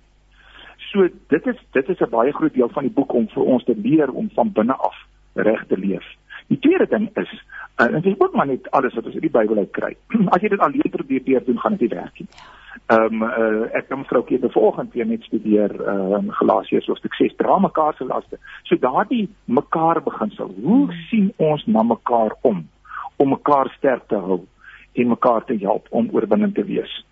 En ek dink ons groot dilemma is ons is geweldig individualisties deesdae. Ja. En ons probeer ons geloofslewe ook so te leef en dit werk nie. Hm. Kosbare woorde, kosbare woorde Cassie vir al in die tyd wat ons nou in leef. Ons word gedwing om geïsoleer te wees, maar ons kan dit nie alleen doen nie. Dit is onmoontlik. Ja. Laaste gedagtes helping fathers to bring heaven home. So ter afsluiting asseblief Cassie. Ehm um, weet jy Christine, ehm um, kyk ek, kom ons begin by die by die uh, by die kind. Kom ons kyk van hierdie kind se hoek. Die die van hierdie kind se hoek is twee goed is ontsettend belangrik. As ek by die huis kom, moet ek die gevoel hê ek sê, "Ah, ek is tuis." Want ja. daar buite is dit al klaar baie rof. So ons leer paas om daai atmosfeer by die huis te skep met die ondersteuning van die moeders. En dit sê die neuroscience wat by wie ons so baie geleer het, sê dan stimuleer dit die uitskeiding van sekere wat hulle noem neurotransmitters. Oksitosien, dopamien, serotonien byvoorbeeld. Ek noem dit die happy hormone cocktail. Met ander woorde, hulle kom in daardie lekker atmosfeer en wow, ek is by die huis. Dan optimaliseer die brein en die persoon kan optimaal ontwikkel. Dis die eerste ding. Nou wat is optimaal ontwikkel in die koninkryk? Dit is as jy selflose liefde teenoor mekaar het. So die pa bring selflose liefde, hulle hoef dit nie te verdien nie en dis geen vreesliefde en hy skep daardie regte atmosfeer. Dit is die eerste. Dan is die plek reg om die woord in dit ingebed te kry, die godoriëntasie. En dis die morele kompas waarmee 'n mens moet leef. dan word die morele kompas daarin gesit, dan kry ons die regte waardes wat ons selekteer en besluit hoe om dit te leef, wat koninkrykswaardes is nie wêreldse waardes nie, en dan die praktyk daarvan te leef en dan moedig ons mekaar aan en veral is ons gelet op wat is nodig elke jaar van 'n kind se lewe sodat ons spesifiek sal wees in ons liefde vir 'n kind. Al hierdie goedes word geadresseer in die boek hmm. sodat uiteindelik as 'n mens dit indringend doen en dis 'n boek wat jy 3 of 4 of 5 keer moet lees, dis 'n studieboek eintlik. Ja. Ehm um, as ons dit indringend doen, dan dink ek is ons redelik goed toegerus vir die uitdagende wêreld waarin ons leef. Cassie, ek wil ook net ons luisteraars uitnooi. Die boek se bekendstelling vind plaas op die 17de Junie um 8 uur die aand. Dit is 'n uh, soos alle dinge in ons lewe 'n aanlyn bekendstelling. So dit word aangebied deur Kom Boeke en enige iemand is welkom om um, by te woon. Dit gaan 'n onderhoud behels met Cassie en met Michael Mul. Uh, daar gaan oor die boek gepraat word, daar gaan gepraat word oor die rol van vaders in in in in in in particular the roles of fathers. So uh, as jy belangstel om deel te wees van hierdie gesprek, kan jy um, al die detail kry by www.kombooks.co.za as jy dan ook self um, wil luister wat wat Cassie en Michael Malte sê. Die boek is op hierdie stadium Cassie in Engels slegs in Engels beskikbaar nie waar nie. Ja, ja, ongelukkig vir die wat nou Afrikaans is. Ehm uh, ons hoop eendag kan ons dit vertaal. dit maar dit is blykbaar al klaar in die winkels beskikbaar. Ja, ja, so dit is dit is op die rakke 'n uh, 'n wonderlike Vadersdag geskenk natuurlik ook. En ja, ons kan ons The world needs a father, helping fathers bring heaven home deur Cassie Karstens. Cassie, baie baie dankie. Um, waar kan mense meer te wete kom oor jou beweging? Het jy 'n webwerf? Ja, hulle kan by die webwerf gaan kyk oor wat ook genoem word worldinsafather.com. So um, al die inligting en ek neem aan inligting oor die boek sal ook daar beskikbaar wees. Uh ons sal dit ons is 'n bietjie aan die herkonstrueer daarvan, maar ek sal sorg dat daar ietsie opgesit word gou-gou en uh, anders is is komboeke maar die mense met wie ons moet skakel. Cassie baie dankie dat dat ons op jou knoppie kon druk. Ons het hier nou 'n verkeerde nommer vir Rudolf gehad. Een lettertjie was omgedraai, maar ons gaan nou met Rudolf Botha gesels oor die Jesus leierskap. So lekker lekker lekker goue draad deur ons gesprek vandag. Alles seën op julle werk, Cassie, en ek hoop ons kan weer in die toekoms gesels. Ons het nog net so aan die oppervlakte geraak vanoggend in ja. ons gesprek, maar ek glo en vertrou ons gaan weer die geleentheid kry. Baie dankie, Christine. Daar sê Radio Kansel, jou daaglikse reisgenoot. 657 AM Jy luister met hart en siel en nou het ons die voorreg om te gesels met Rudolf Botha oor sy boek Jesus leierskap hoe om te lei in 'n veranderende wêreld. Môre Rudolf. Uh, Môre Christine, is lekker om saam met jou te kuier. Rudolf, die boek is vol praktiese raad, inspirerende voorbeelde wat enige leier sal help om hierdie onverkende waters wat ons ons in bevind die hoofde bied. Wat het jou laat besluit om hierdie boek te skryf? 'n Man Christina, dit dit, dit is nogal 'n interessante storie. Ek het ehm um, ek het nog altyd 'n boek oor leierskap skryf. Ek het altyd 'n boek eh, ek was altyd 'n persoon wat baie geïnteresseerd was in in leierskap. Ehm um, omdat ek gedink het dit veral geestelike leierskap is wat op die einde 'n groot verskil maak in enige gemeente, enige ja. firma, waar mens ook al kom. Jy weet, is is uh is leiers nie mense wat op die einde mense kan neem in 'n positiewe rigting, maar ek was ek het op 'n stadium omdat ek daar uh, baie gefassineer was daardeur het ek net baie boeke gelees oor leierskap. Op 'n stadium het die boeke my begin verveel en het ek begin voel ag die boeke herhaal nou net jy weet dit is al uh, sê maar dieselfde goed oor en oor en oor en baie mense het vreeslike praktiese raad en goeders maar min mense keer terug na wat die wortel van leierskap is. En en Jesus as leier het my nog altyd ook het my intens gefassineer omdat hmm as ek dink ek, ek kan nie dink aan 'n meer effektiewe leier nie. As jy daaraan dink dat hy maar 2 en 'n half jaar, 3 jaar lank regtig gewerk en sy bediening gehad het om net die wêreld verander. Hy het die liefdesmoraliteit ingebring in die wêreld en so aan. So ek wou 'n bietjie terugkeer na ehm um, wat, wat wat kan Jesus ons leer oor leierskap? Ja. Onder die Markus Evangelie ons oudste evangelie is ons eerste evangelie het ek gekyk het ek probeer kyk kom ons kyk net kom ons lees net weer die evangelie uit 'n hoek van leierskap en self vir onsself hoe Jesus het reg gekry. Nou ons weet natuurlik die Gees was betrokke by Jesus, hy's God self Jy weet maar vanuit 'n menslike hoek, uh, hoe het hy dit reg gekry om die wêreld so 'n geweldige blywende en fundamentele impak op die wêreld te maak en dit is dis wat my laat dink het om die om die boek te skryf. Uh, Rudolf, as jy nou in in 'n paar kerngedagtes, ek wil mens moet uit die aard van die saak rustig die boek sit en lees en en en en en en, en tyd daarmee deurbring. Maar as jy nou vir ons so 'n paar uitstaan gedagtes kan deel vir oggend oor wat kan Jesus ons leer oor leierskap in onseker tye en ons praat nie net hier van leiers in die kerk nie leiers in in, in hmm. Groot besighede en ons praat van leiers binne ons gemeenskap binne ons gesin. Wat kan ons by Jesus leer?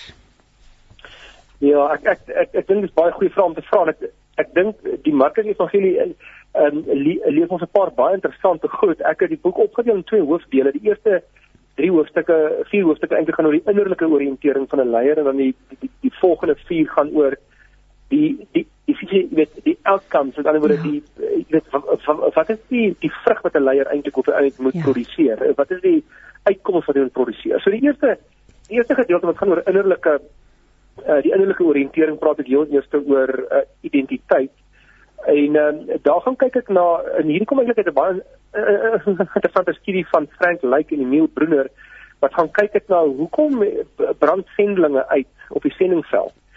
En hulle het toe gaan kyk na die eerste die hoofstuk van die Markus Evangelie en gaan kyk maar hoekom hoe het Jesus dit gedoen? Hoe het hy dit reg gekry om nie uit te brand nie?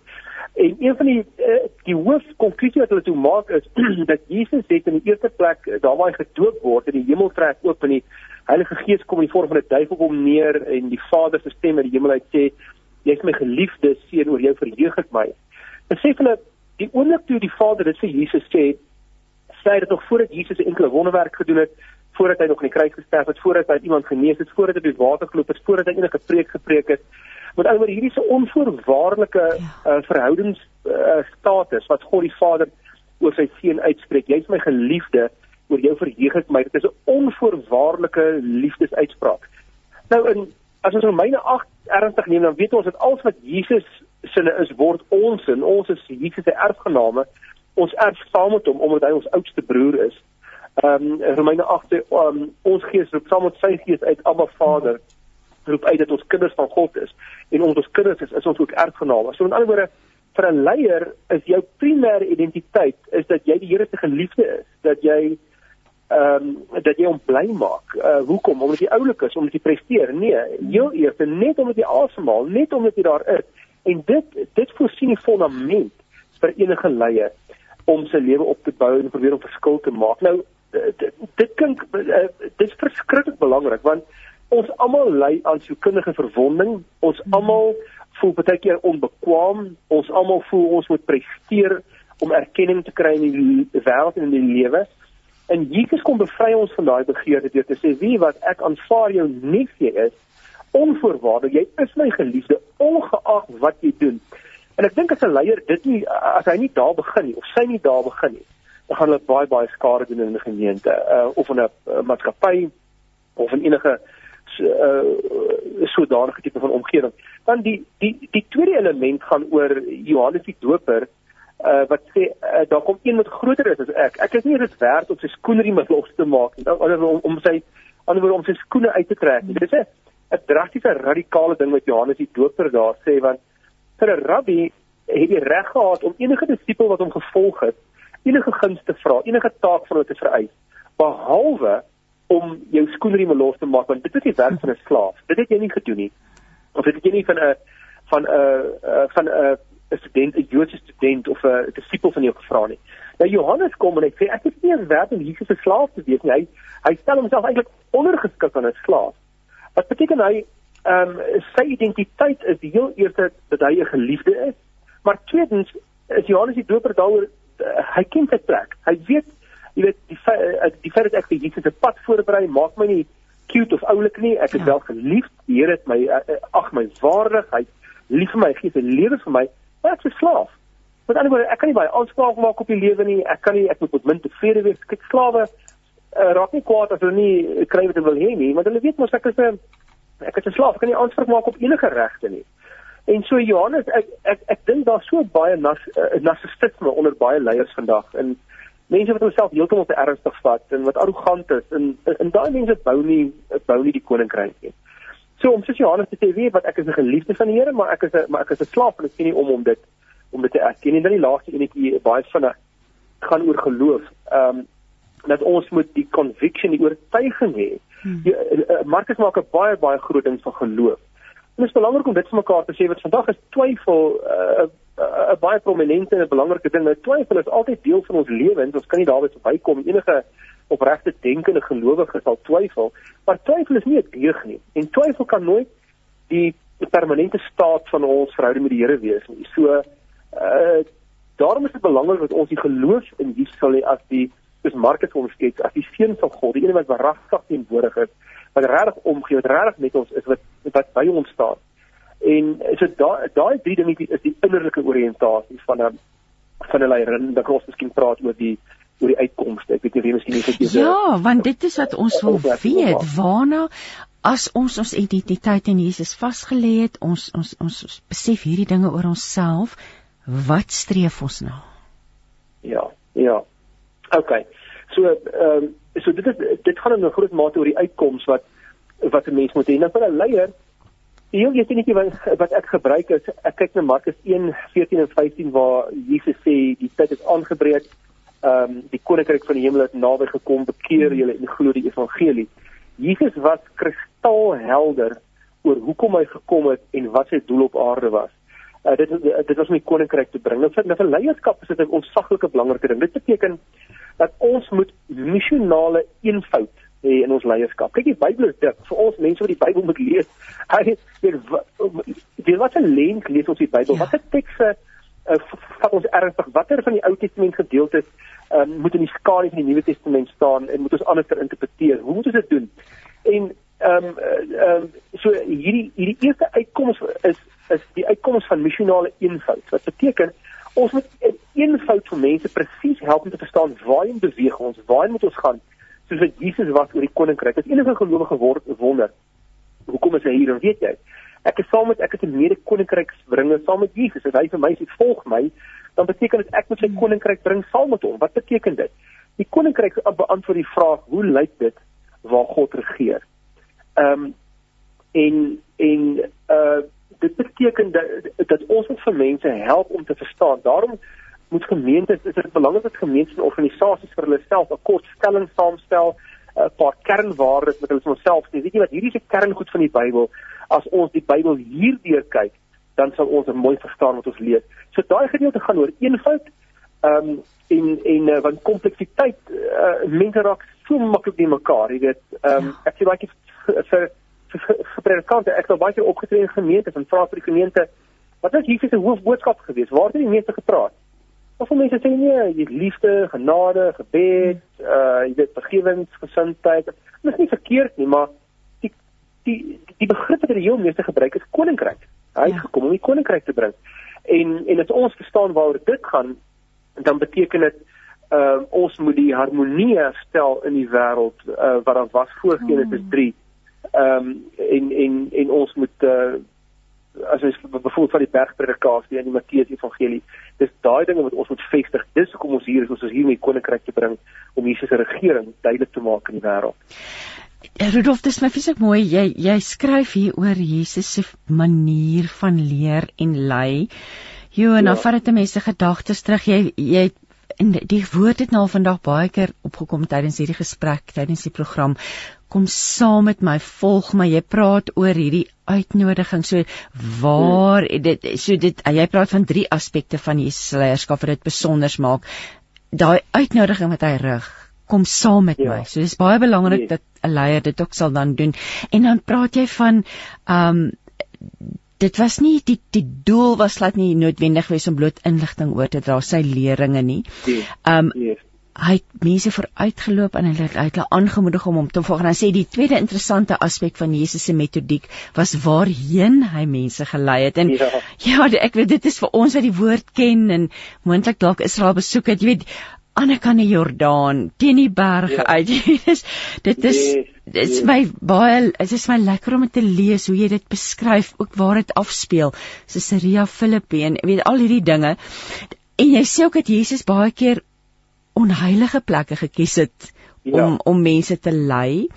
En dan hierdie gedeelte lei ons in 'n stuk in die boek in waar jy praat oor waar vind transformasie want dit voel vir my ons lei om te verander. Ons lei om Jesus se koninkryk ja. aarde toe te bring. En jy noem hier 'n paar plekke en ek dink binne die tyd wat ons in leef is hierdie vir my baie toepaslik. Dit is nommer 1 stagnasie, dan volg ja. chaos en dan volg orde en kompleksiteit. Praat net so 'n bietjie in die lig van ons ja. bevind ons eintlik in 'n chaotiese tyd. So hier is hier's baie moontlikheid, hier's ja. baie moontlikheid vir verandering en om om as leier na vore te tree nie waar nie. Gewoon dit as jy sê jy staan nie spesifiek so op die kop Christine die so die die eerste uitkoms is om in eenvoud en missionale eenvoud te leef. Die tweede noem jy nou baie mooi en, en dit moet ons moet lei na transformasie toe. Of ons ouers is, of ons nou leiers is, of ons bestuurders by die werk, ons moet lei na transformasie en dit dit wat Jesus se volg my so belangrik gemaak het want um, ons het ek het groot geword met as Jesus begin volg dan gee jy jou hart vol nê nee. ja. ek bedoel dit is nie verkeerd nie maar dit is nie Jesus se hoofmanier waarop mense uitgenooi het nie. Hy het hulle genooi om te volg. Dit beteken in daai daai geval in daai tyd was dit het dit letterlik 'n fisiese skuif van jou lyf beteken. Met ander woorde jy het letterlik jou goed net daar gelos jy het agter hom aangeloop. En dit is nou waar dit so belangrik is wat jy sê ehm um, waar hy waar hy mense uh, hy sleep aan sy disippels hy sê hulle volg my en dan sleep hy die hele wêreld vol na plekke waar hulle nie wil wees waar hulle ja. onveilig voel waar hulle waar hulle uit hulle diepte uitvoel want dit is waar jy transformeer. En nou kom ons by vier sfere wat waarvan jy gepraat het so dan dan praat ek net oor daar's vier moontlike areas waar jy kan verander. Stagnasie is 'n baie ongesonde plek. Daar vind mm. positiewe transformasie ja. nie plaas nie. Chaos is waar 'n is waar 'n burgeroorlog uitbreek of 'n tsunami of spoele strand en baie mense sterf. Dit is nie goed nie En maar die derde een is interessant orde. Dit het jy genoem. Dit kies ons gewoonlik vir onsself want ons ons hou van 'n ordelike omgewing waar waar waar alles voorspelbaar is. Maar wil ekstrom sê as jy as verandering, as transformasie vir belangrik is, dan gaan dan gaan orde jou lewe ruïneer. So jy moet ook kies vir orde nie. En dan stuur jy netjie is is kompleksiteit. En dit is wat Jesus te volg my uitnodiging impliseer. Hy skep vir sy disippels kompleksiteit die hele tyd want dit is waar hulle transformeer en as ons al leiers is dan beteken dit ons moet ons mense in liefde deur kompleksiteit lei. Ons moet hulle dwing om nie te dink, om vas te dink, om hulle lywe te skuif na informele nedersettings toe of na plekke waar hulle nog nooit was nie en en hulle daar praat, daar die Bybel oopmaak en met hulle saamleef en dit is waar transformasie gebeur. Dit gebeur nie primêr in 'n kerkgebou nie, alhoewel 'n kerkgebou baie belangrik is mm. en daar word ons geleer, maar dis nie disipelskap nie. Disipelskap is wanneer jy jou lyf kyk iewers nou en dit vir jouself kompleks maak. En uh, so dit is die tweede uitkoms wat 'n leier behoort te produseer. Hmm, dit is dit, jy daag ons uit om anders te dink in hierdie boek Rudolf, maar jy dit, dit is dis gefundeer in daai Markus Evangelie wat dit weer toeganklik maak nê? Dit dit ons ons ken dit en om bietjie nuut daarna te kyk. Ek wil vir jou dankie sê. Ek wil nou vir jou vra waar kry mense die boek in die hande? Ek jy um, mense kan kry by by Koem Boekwinkel um, of by uh, Exclusive Books het hom ook ehm um, uh, of mens kan Lux Verbi self skakel om om die boek te bestel. Ja, en ek sien die Lux Verbi webwerf is www.luxverbi.co.za. Hier is 'n paar luisteraars wat gevra het, gaan die gesprek op potgooi beskikbaar wees? Ja, verseker gee ons net so 'n dag om net al die tegniese aspekte hiervan uit te sorteer uh, en dan kan jy weer na hierdie gesprek luister. So ehm um, uh, ja, hier is dit is dit is sal sal so beskikbaar wees op 'n pot gooi. Ek wil Rudolf voordat ek vir jou vra om dalk vir ons met 'n gebed af te sluit net vir Dike ja. Magopeng dankie sê vir sy tegniese bystand. Um, dit was lekker ja. om saam te werk, maar Rudolf, ag Rudolf, sal jy omgee om vir ons af te sluit met 'n gebed vanoggend asseblief? Nee, ek doen dit graag. Dankie Christine. Ja. Kom ons bid saam. Ons lewende Here, um ons sê vir dankie. Ons sê vir dankie vir u woord. Dankie vir Markus. Dankie dat u ons lei deur deur deur u seun. Here Jesus, dankie dat u gekom het vir ons. Dat u ehm um, ons lewens kom nuut maak. Dat u ons leer hoe om te lei. En ek ek wil hierdie gebed gebruik om om regtig te bid vir al ons leiers wat wat inskakel en wat luister. Of jy 'n besigheid is, Here, of of hulle in 'n gemeente werk, of hulle bestuurder is iewers van 'n departement of wat ek al dat u ons hart sal lei om uh, om soos u te lei, om om mense te bring na positiewe transformasie, na op, op dat u ons sal help om opbouende omgewings te skep hmm. wat bevorderlik is vir geestelike groei, vir verhoudings om te uh, om te kweek om te ontwikkel en en waar mense u kan vind op nuwe maniere. Here ons bid vir elke persoon uh, wat luister, hulle spesifieke behoeftes, die plek waar hulle self bevind, ontmoet hulle die waar hulle is en lei hulle vorentoe. Ons bid dat Here Jesus alles in u naam en almal by hulle huise wat inluister en skakel kan sê amen. Amen. Baie baie dankie Johan. Daar's nou 'n paar luisteraars. Ag Johan Rudolf, ekskuus. Daar's 'n paar luisteraars. Ek sê Johan 'n 'n vraag. Ehm um, hier's 'n paar luisteraars wat net vra herhaal die name van die boeke wat daaroor vandag gepraat is. Ek gaan begin. Dit is die Familiebybel was die heel eerste ene gewees en daar het ek met ehm um, Dr. Johan Smit gepraat.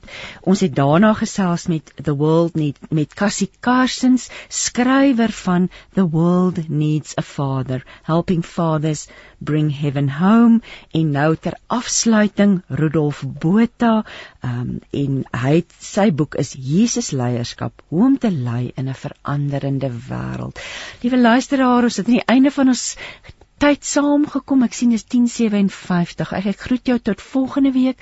Mag jy 'n geseënde week hê en mag ons gesprek jou vandag geïnspireer het om ook jou deel te doen om om sy koninkryk na ons huise en ons aarde te bring. Tot volgende week dan. Totsiens.